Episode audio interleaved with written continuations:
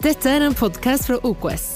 Så glad for at du lytter på oss i dag, og håper dette vil oppmuntre deg og styrke ditt trosliv.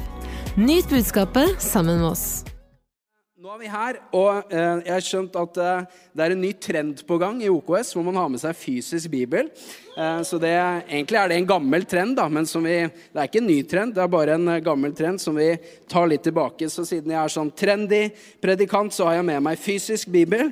Og hvis du har fysisk bibel med deg, så kan du få lov til å slå opp i romerbrevet, for det er i den teksten som vi skal forkynne ut ifra i dag. Hvis ikke så kommer det på skjermene her også, i nåde til deg som ikke har med fysisk bibel.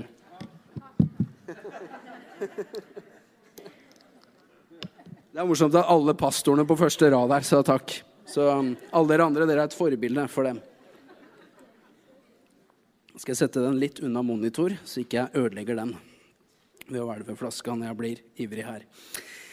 Ok. Um, prekenen min i dag er et svar på et spørsmål. Og det spørsmålet, det er hva er evangeliet? Hva er evangeliet? Og undertittelen er 'Romerbrevet svarer'. Jeg har med andre ord en intensjon om å la det brevet få lov til å svare på det spørsmålet, så derfor skal vi kun holde oss i romerbrevet. Mulig det blir noen sitater fra andre skriftsteder, men det er romerbrevet som skal få lov til å svare på, på det spørsmålet. Jeg husker en gang for eh, ja, kanskje 15 år siden så eh, hadde vi en venners venners-fest i kollektivet der jeg bodde. og eh, en veldig ålreit kveld. God musikk på høyttaleren, god mat. folk som ikke er en del av kirka, var der. Venner i kirka var der. Og Utpå kvelden så kommer det en, en, spennende prat om tro, som det ofte kan gjøre når, eh, når vi henger med, med, folk og venner. Og så hører jeg mine, mine venner får det spørsmålet her av en som ikke regna seg selv som en kristen. Eh, og vedkommende sa du, eh, dere, hva var egentlig greia med, med Jesus? Hvorfor, hvorfor, måtte Jesus dø på korset? Og så ser jeg at de, de blir litt usikre, blikket flakker litt, og jeg skjønner de, de leiter etter meg sånn at jeg kan komme og svare på det spørsmålet. Så jeg, eh, jeg eh, stepper inn som den helten jeg er, og svarer etter beste evne. Eh, også dagen etterpå så må jeg innrømme at jeg, jeg, tenkte Egentlig så er det et spørsmål som enhver kristen burde kunne svare på. Og, og forstå meg rett vi, vi, hjelper hverandre. ikke sant? Vi, vi er et team, vi, vi utfyller hverandre. Men egentlig, om det er med meg her, så bør enhver kristen kunne være i stand til å ikke liksom brette ut om alle teologiske irrganger om Jesu død på korset, men, men det var en mulighet til å dele evangeliet. ikke sant? Og, og det bør egentlig enhver kristen være, være, i stand til. Du sa at jeg kunne være utfordrende å høre på noen ganger, Katrine. Jeg tenker det er positivt. da. Og her, her kommer det en utfordring i begynnelsen av prekenen. Vet du hva evangeliet er? Sånn at du kan dele det med mennesker som ønsker å høre hva evangeliet er. Så det er utrolig viktig at en kristen vet hva evangeliet er. Og hvis du er her og ikke regner deg som en kristen, så er det enda viktigere at du vet hva evangeliet er. For det er et budskap som handler om at Gud gjennom Jesu død oppstandelse har tilgjengeliggjort nærkontakt med Han som har skapt deg. Hvor du ikke bare kan tro at han fins, men du kan bli kjent med han. Og gå med han og, og leve med han. Eh, og romerbrevet skal få lov til å hjelpe oss til å få enda bedre grep på hva er evangeliet. Og selvfølgelig, Vi svarer jo på det spørsmålet hver eneste søndag. Eh, men jeg tror det er bra noen ganger å zoome skikkelig inn på evangeliet, sånn som vi skal gjøre nå eh, de neste 30 minuttene, og prøve å svare på, på det spørsmålet. Hva, hva er det? Så la oss lese i Romerbrevet 1, og fra vers 15 til vers 17. Romerbrevet 1 og vers 15 til vers 17. Og der sier apostelen Paulus som følger.: Derfor, så langt det står til meg, er jeg villig til å forkynne evangeliet også for dere i Roma. For eh, jeg skammer meg ikke over Kristi evangelium, for det er Guds kraft i frelse for hver den som tror, for jøde først, og så for greker. For i det blir Guds rettferdighet åpenbart av tro til tro, som det står skrevet, den som er rettferdig av tro, skal leve. Romerbrevet er skrevet til en kristen forsamling i naturligvis Rom. Og Paulus sier i vers 15 her at eh, jeg ønsker å forkynne evangeliet også til dere, sier han. Noe som forteller oss at evangeliet er ikke bare et budskap til kirken, nei, unnskyld, til verden, men det er også et budskap til kirken. Jeg vet ikke med deg, men mange, når man hører det ordet evangeliet, så kan mange kristne tenke at ja, det er ABC. Men hør hva jeg sier nå. Evangeliet er ikke bare A, B, C. det er hele alfabetet. Evangeliet det er ikke bare en basic grunnvoll, det er huset vi bor i. Eh, evangeliet noen sa sånn her, evangeliet det er så grunt at en maur kan vasse i det, og en elefant kan svømme i det. Så Det betyr at evangeliet det er ikke bare for nybegynnere, det er for viderekommende. Evangeliet er ikke bare ABC, det er hele alfabetet. Det er ikke bare et budskap vi skal formidle, men det er også et budskap formidleren skal leve ved og leve av. Så jeg stemmer i med Paulus her og sier jeg har lyst til å forkynne evangeliet i OKS. Jeg har lyst til å dele evangeliet med dere. Og Paulus han, han sier at eh, evangeliet det er et budskap som er gode nyheter. Det er mitt første punkt her. Evangeliet det er ikke gode råd, men det er gode nyheter. Du skjønner, Ordet evangelium Eh, den tekniske greske termen, for det nye testamentet er skrevet på gresk. Selve det ordet evangelium det betyr gode nyheter. Det er veldig interessant. Det er det kristne, altså det er navnet på det kristne budskapet. Det er gode nyheter. Og det var opprinnelig ikke et religiøst ord. Eh, dette ordet ble brukt i det gresk-romerske riket når man skulle annonsere en historisk hendelse som skapte forandring. Så et evangelium kunne f.eks. være at keiseren hadde fått en ny sønn. Eller det kunne være at man hadde fått en ny keiser eller en ny konge.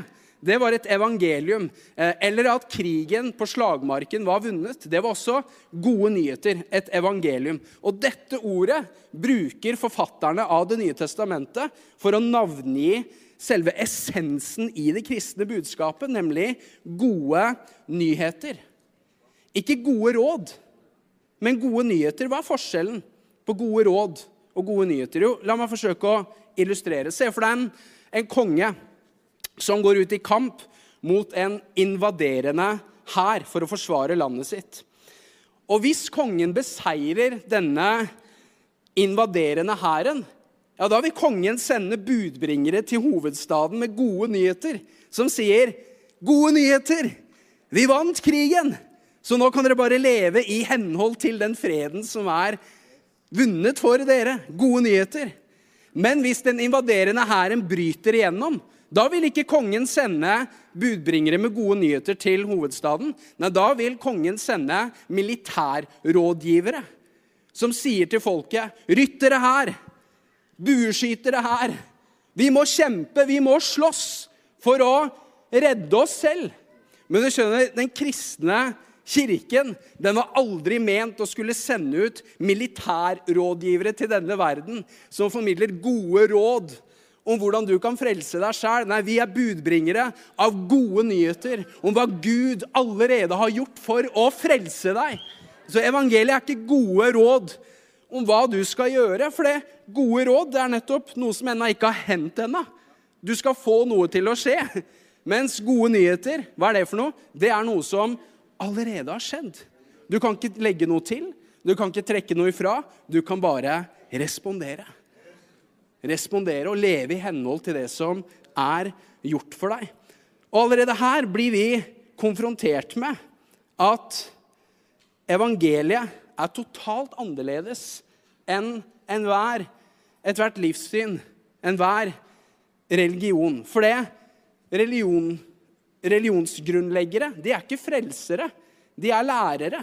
De kommer med et sett med råd som forteller deg hva du skal gjøre for å oppnå frelse.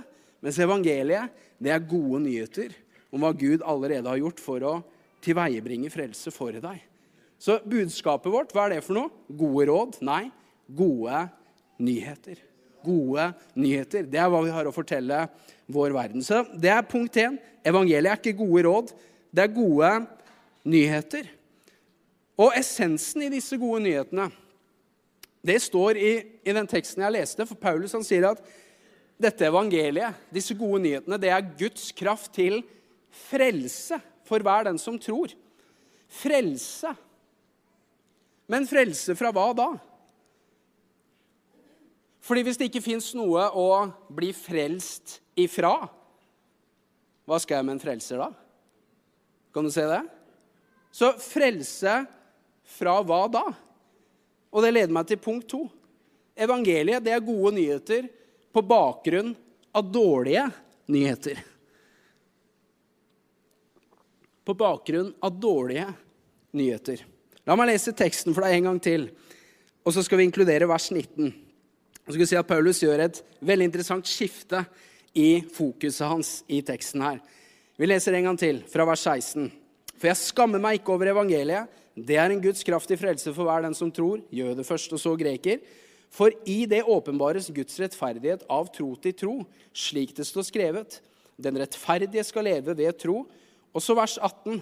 For Guds vrede blir åpenbart fra himmelen over all ugudelighet og all urettferdighet hos menneskene, de som holder sannheten nede i urettferdigheten. Jeg husker Første gang jeg leste det her, så var det sånn vers 16 og 17. Guds kraft i frelse, rettferdighet ved tro. Det var liksom wow! Og så leser jeg vers 18, og så Hæ? Sånn wow! Hæ? Guds vrede? Hvorfor kommer du og roter til noe så vakkert, Paulus, med Guds vrede som åpenbares over all ugudelighet? Det var, det var, du starta veldig bra, Paulus, men må du liksom, må du liksom komme med, med, det der, liksom? Hva, hva handler det om? Jo, legg merke til at i stedet for at Paulus utbroderer om dette evangeliumet, så kommer det 64 vers hvor han snakker om menneskets synd og skyld fremfor Gud. Og hvorfor i alle dager gjør han det? Jo, hør hva jeg sier nå. Det Paulus gjør, det er som om han gir et forsvar av evangeliet. Det, det, det, han, det han gjør nå, det er at han viser oss at Jesus Kristus er virkelig det eneste håpet til denne verden. For, for hvis det fins noen annen mulighet å bli frelst ved Hør hva jeg sier nå. Paulus han sier der i Galaterbrevet 2 og vers 21 så sier han, for dersom rettferdighet er å finne ved loven, ja, da døde Kristus forgjeves. Så det, det, er med andre ord som å si det var ikke noe vits at Jesus døde på det korset hvis det fins en annen vei til frelse. Er du med meg her? Så det vi, det vi skal bruke de neste 15 minuttene på, på nå, er utrolig viktig i forhold til å forstå hva evangeliet er. For det er Guds kraft i frelse. Men frelse fra hva da? Jo, frelse fra synd. Så hva, hva er synd? Jo, du vet, før du går til Eller når du går til doktoren Før han kan gi deg medisin, vet du hva han må gjøre? Han må stille riktig diagnose. Og så kan du få riktig medisin. Det Paulus gjør her, det er at han stiller diagnosen til hele menneskeheten. Og så begynner han å skrive ut medisinen i kapittel 3, som vi skal se på, hvor han virkelig bretter ut evangeliet for oss og viser oss dette budskapet som handler om rettferdiggjørelse Eh, ved tro. Så jeg sier evangeliet ja, det er gode nyheter, men på bakgrunn av dårlige nyheter. Du må på en måte forstå de dårlige nyhetene hvis du skal gripe de gode nyhetene. Jeg vet ikke om eh, det er noen mannfolk her som har kjøpt eh, diamant til kona si før. Er det kvinnfolk? Er det noen som har noen mannfolk som har gjort det? Og nå har du muligheten din. Hvis mannen din ikke har gjort det, så dulter du litt borti den, og så sier du Se her. Jeg så en som gjorde det. Har du Jeg har ikke gjort det, så jeg kan bare si det. Sorry, Irene, hvis du ser på nå. Det gjør du. Det, det, kommer en dag når vi har vært gift i 50 år eller noe. Da skal jeg dra på Tiffany's og kjøpe diamanten til deg. I mellomtida så blir det sølv. For gull det har jeg ikke. Men har du lagt merke til at eh, når du går og sikler på diamantene, så, eh, ikke, ja, er der, så ligger diamanten på sort filt. Har du sett det? Hvorfor? Jo, fordi det gjør diamanten mer attraktiv. Den stråler, og den, du ser glansen mye mer. Du får mer lyst på den. Det Paulus gjør nå i rombrevet, istedenfor å fortsette å utbrodere dette herlige evangeliet, så er det som han legger en sort, svart filtduk og viser at mennesket er syndige. Mennesket er syndere og skyldige for Gud og trenger en frelser. Og så skal vi se, i kapittel 3 så er det som om han slipper diamanten oppå den svarte filtduken, og vi ser godt av banen evangeliet. Wow!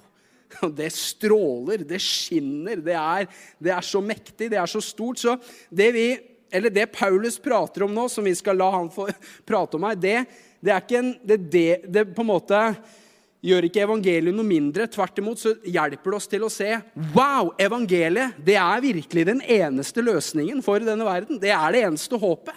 Det er den eneste redningen som fins.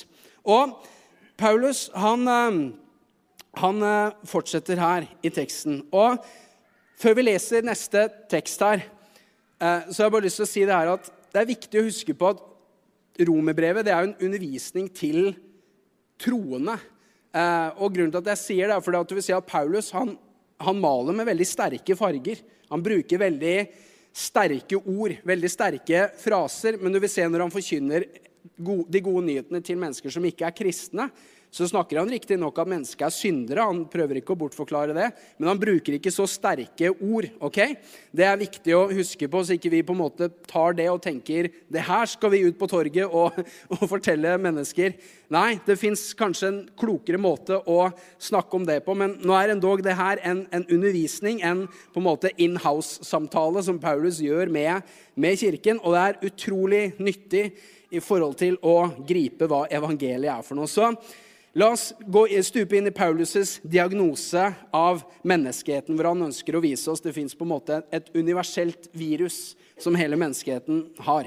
Vi leser i kapittel 1, også fra vers 28 til vers 31. Og der står det som følger.: De brydde seg ikke om å kjenne Gud. Derfor overga Gud dem til en sviktende dømmekraft, så de gjør slikt som ikke sømmer seg. De er fulle av all slags urett, umoral, grådighet og ondskap.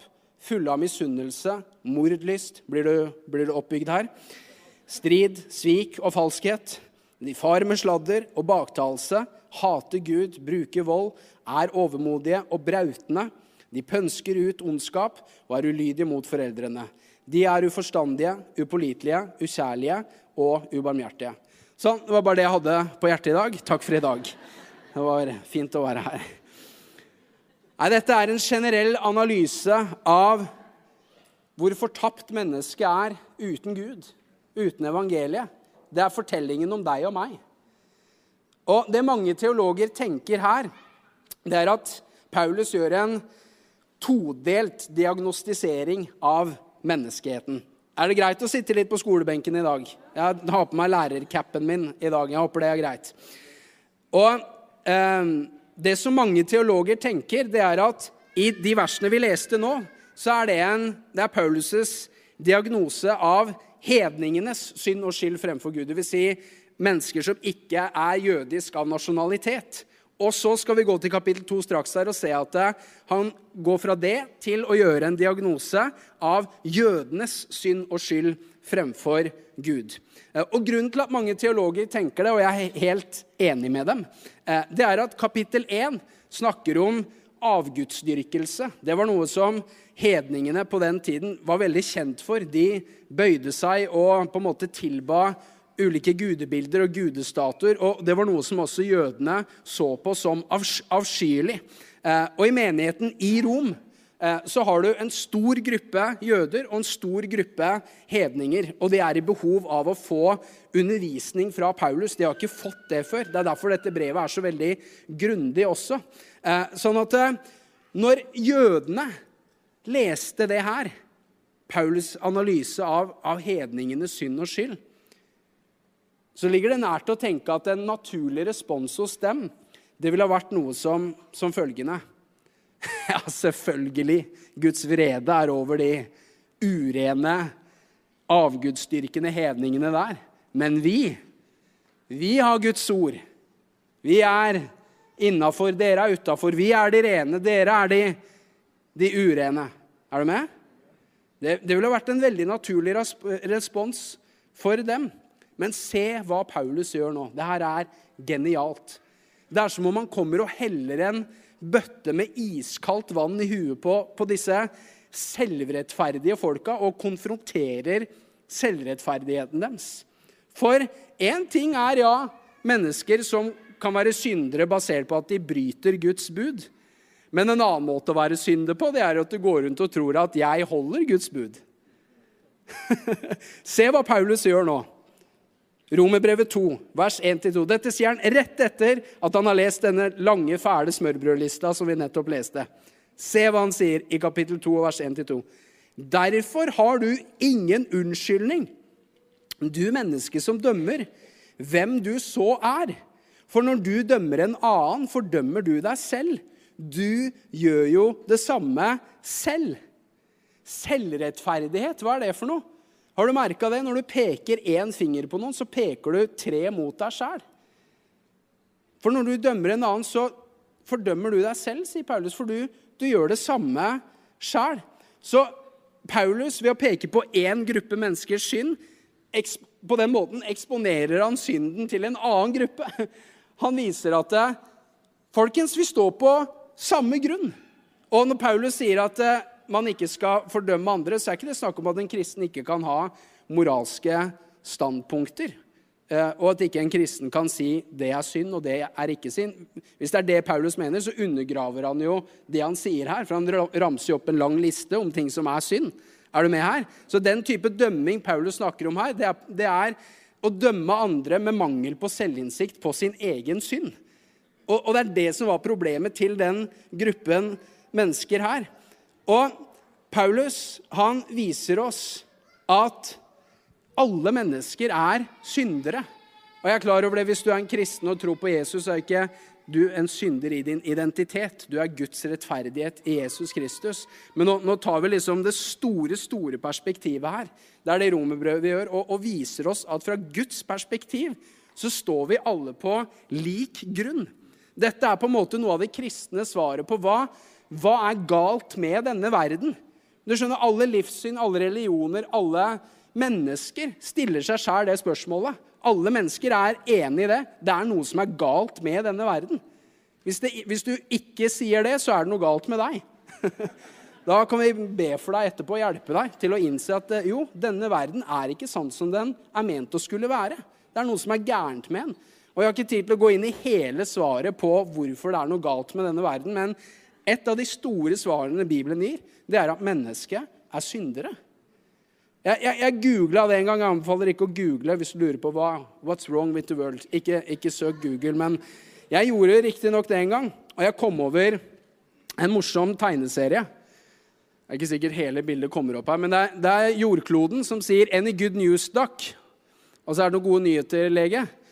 Eh, vel, eh, testresultatene dine, de er eh, eh, du, Jeg tror du skal sette deg ned nå. Og jeg I hate to tell you this, jeg hater å fortelle deg det her, men you have humans! Og du ser verden blir bare svettere og svettere og svettere. Så hvis diagnosen til en syk verden er menneske, hva er da diagnosen til mennesket? Jo, det er at vi er syndere. Og noe av problemet ved det at vi er syndere, det er at vi deler inn verden i de syke og de friske. Og så plasserer vi oss veldig gjerne på den friske siden. Kan jeg få låne to stykker, dere som har blitt eh, spurt? Og kan jeg få spanskrøret mitt, eh, Øyvind? Jeg jobber som lærer på bibelskolen. Da må vi ha spanskrør, vet du. Nei da. Yes, eh, skal vi se. Du kan stå her. Han er den høyeste. Kan sikkert komme litt nærmere. Merker det hvor lydig han er når jeg har den her? Og du kan gå der. Tusen takk. Um, han her er jo høyere enn henne. Han representerer en med veldig høy moral. ok? Uh, ved siden av han så står moder Teresa. Litt høyere enn deg på noen ting, tror jeg. Mens her har liksom veldig god moral. Uh, OK, og det blir verre og verre. Sorry, Elisabeth. Men langt her borte så står Hitler. Så du er Ikke sant? Det er den moralske skalaen. Og what's wrong with the world? Hva er gærent med denne verden? Jo, det vi mennesker er eksperter på å gjøre, det er å sette et skille mellom friske, syke, onde, gode, rettferdige, urettferdige. Vi setter det skillet et eller annet sted her. Og så er vi veldig flinke til å passe på at vi havner på den riktige siden. Er du med? Og så har vi noen gode råd til dere om hva dere kan gjøre for å krysse den linja her. Vi har noen gode råd og noen gode veiledninger. Så, så hvis, du, hvis, du, liksom vil bli på den rette siden, så kan du, kan du gjøre det. Vi er veldig flinke til å, å gjøre det her. Men hør hva jeg sier nå. Skillelinjen mellom ondt og godt, det går ikke her. Veit du hvor det går? Det går tvers igjennom ethvert menneskehjerte. Tvers igjennom alle menneskers hjerter. Så selv i hjertet til en veldig umoralsk person så fins det et snev av godhet også. Og selv i hjertet til en som er veldig moralsk og veldig god, så kan jeg love deg det fins noe, noe, ondt der også. Skillelinjen mellom onde og gode, det går ikke her. Det går tvers igjennom hjertet til absolutt alle mennesker. Så vi står på lik grunn. Kan du se det? Det er, det, det, er, det er, en enkel måte å forklare. Hva vil det si at alle mennesker er syndere? Jo, vi står alle på lik grunn.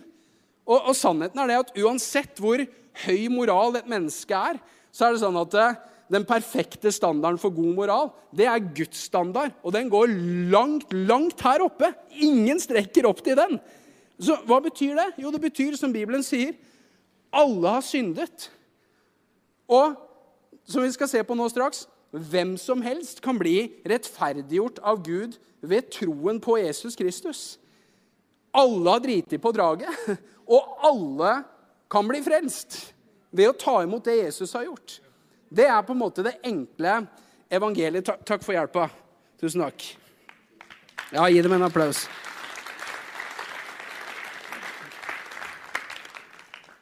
La oss bare lese konklusjonen til Paulus. Rombrevet 3, vers 19-12. Jeg vet Det ble mye bibellesning i dag, men jeg ber ikke om unnskyldning for det. Det er eh, veldig bra noen ganger å la ordet bare snakke. Rombrevet 3, vers 9-12. Her konkluderer Paulus. Selvfølgelig mye mer vi kunne sagt om det jeg har sagt. Men hør på det her.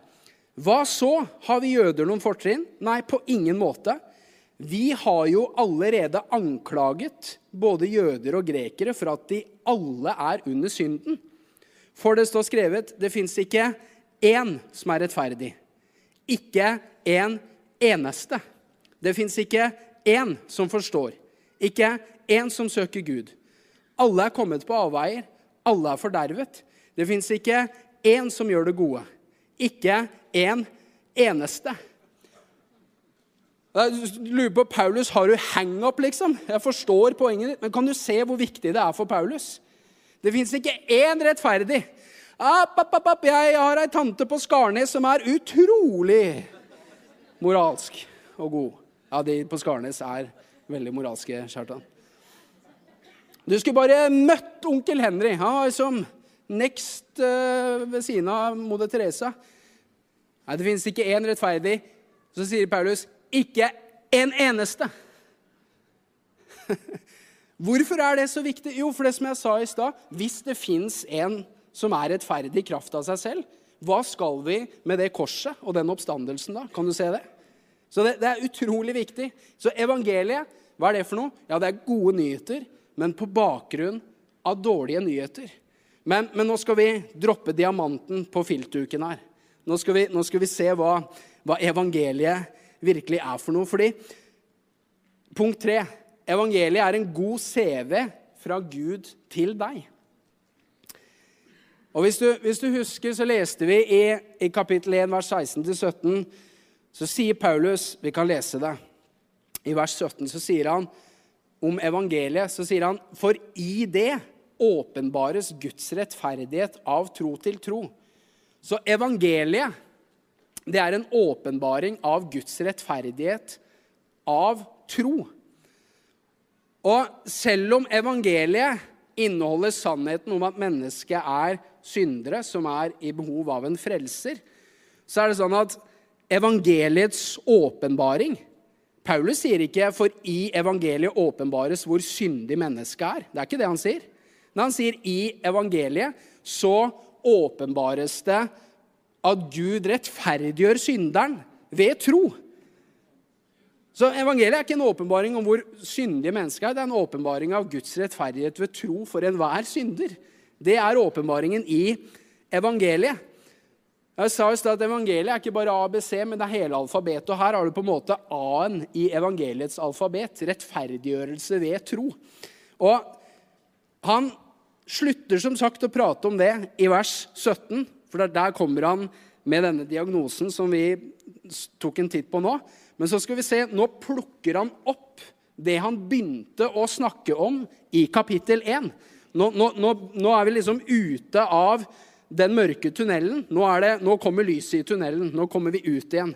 Og Da sier han sånn her i kapittel 3 og vers 21 til 24. Se hva han sier. Han sier, 'Men nå' Kan alle sammen si det? Men nå. Men nå, ja. Hva nå? Jo, men nå er Guds rettferdighet blitt åpenbart uavhengig av loven. Om den vitner loven og profetene.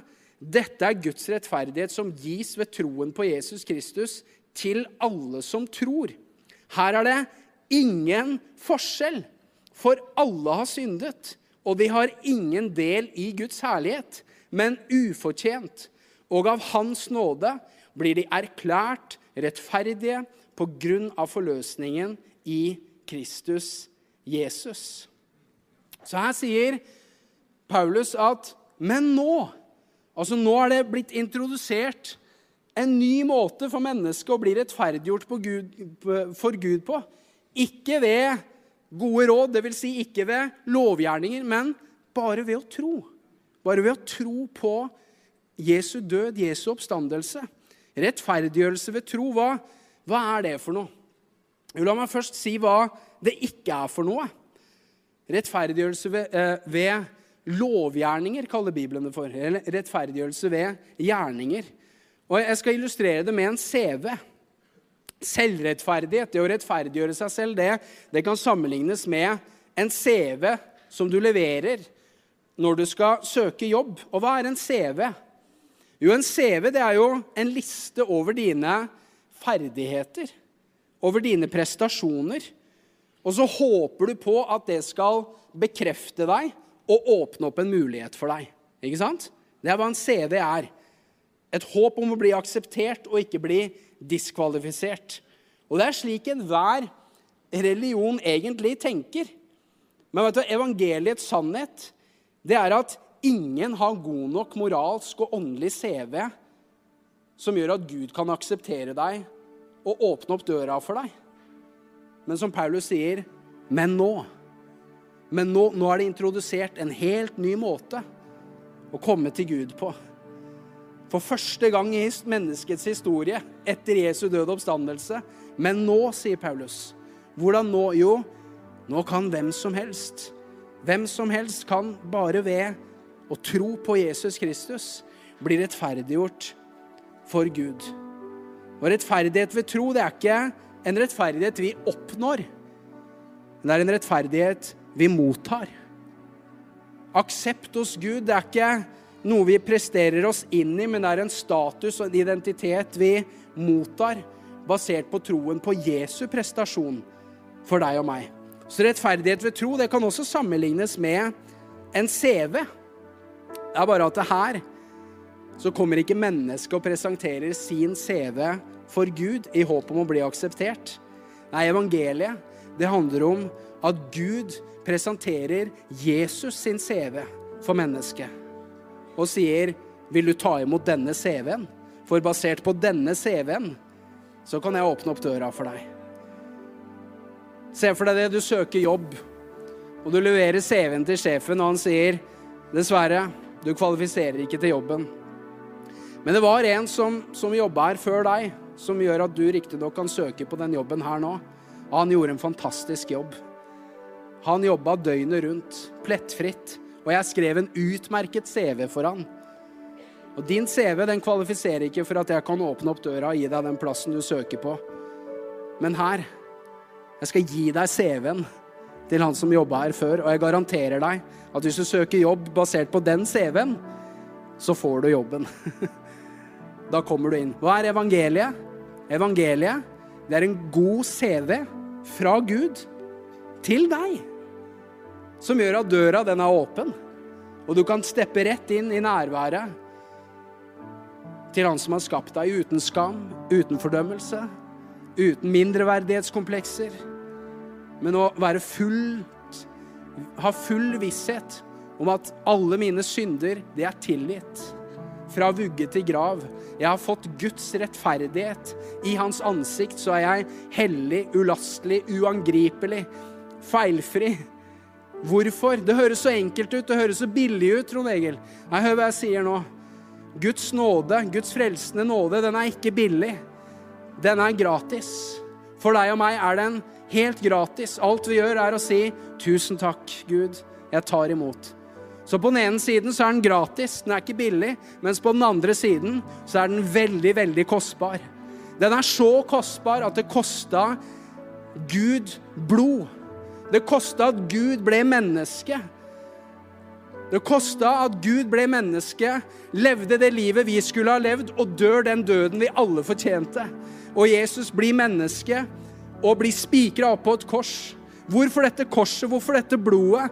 Jo, fordi på det korset, på den kroppen til Jesus, så ble all verdens synd lagt på Jesus. Og Bibelen erklærer at Gud var i Kristus Jesus og forsonte seg selv med verden. Sånn at Gud lenger ikke holder syndene opp imot verden i dag.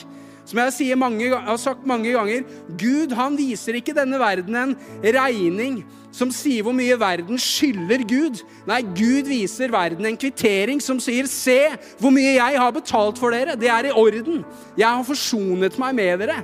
Det er fred fra min side i møte med dere. Kom hjem. Og du skjønner, Hvis korset er et betalingssted, som det er, det er en soning for våre synder, vet du hva det gjør oppstandelsen til? Det gjør oppstandelsen til en kvittering. På korset så soner han og betaler for våre synder. Og på den tredje dagen etter at Jesus døde, ble lagt i en grav, så sier Bibelen at Gud reiser Jesus opp ifra de døde. Hvorfor? Jo, det var som en kvittering. Det var Guds måte å kvittere på. Så oppstandelsen, folkens, hvorfor Jesu oppstandelse? Jo, oppstandelsen det er kvitteringen, det er garantien som gjør at vi kan vite at syndene våre, de er sonet. Det er betalt for. De er sletta ut. De står ikke mellom oss og Gud lenger. Så hva er evangeliet? Dette er evangeliet, folkens. Dette er det budskapet som Gud har betrodd oss med, og som vi skal fortelle til vår verden. Og min, På avslutningen av min vesle preken her i dag så har jeg lyst til å si til deg vær en frimodig formidler av evangeliet til mennesker. Del evangeliet med mennesker. Del de gode nyhetene til mennesker. La mennesker få høre. La mennesker få høre om at Gud elsker dem, at Gud sier 'velkommen hjem'. Velkommen hjem. Døra er åpen. Kom, ta imot. Kom og ha fellesskap med Gud. Kom og bli et Guds barn. Kom og ta imot din tilgivelse. Det er evangeliet, folkens. Det er de gode nyhetene som vi har blitt betrodd og er ment å skulle formidles med et fellesskap, men også i vår verden, i vårt nabolag, i, i våre familier. Så i Jesu navn. Amen. Amen. Takk for at du tok deg tid til å lytte på en av våre podcaster fra OKS. Vår visjon er å bringe Jesus til mennesker i vår verden, og mennesker i vår verden til Jesus. Følg oss ellers på vår YouTube-kanal og sosiale medier. Du er velkommen til å besøke en av våre kirker. For mer informasjon, sjekk ut oks.no.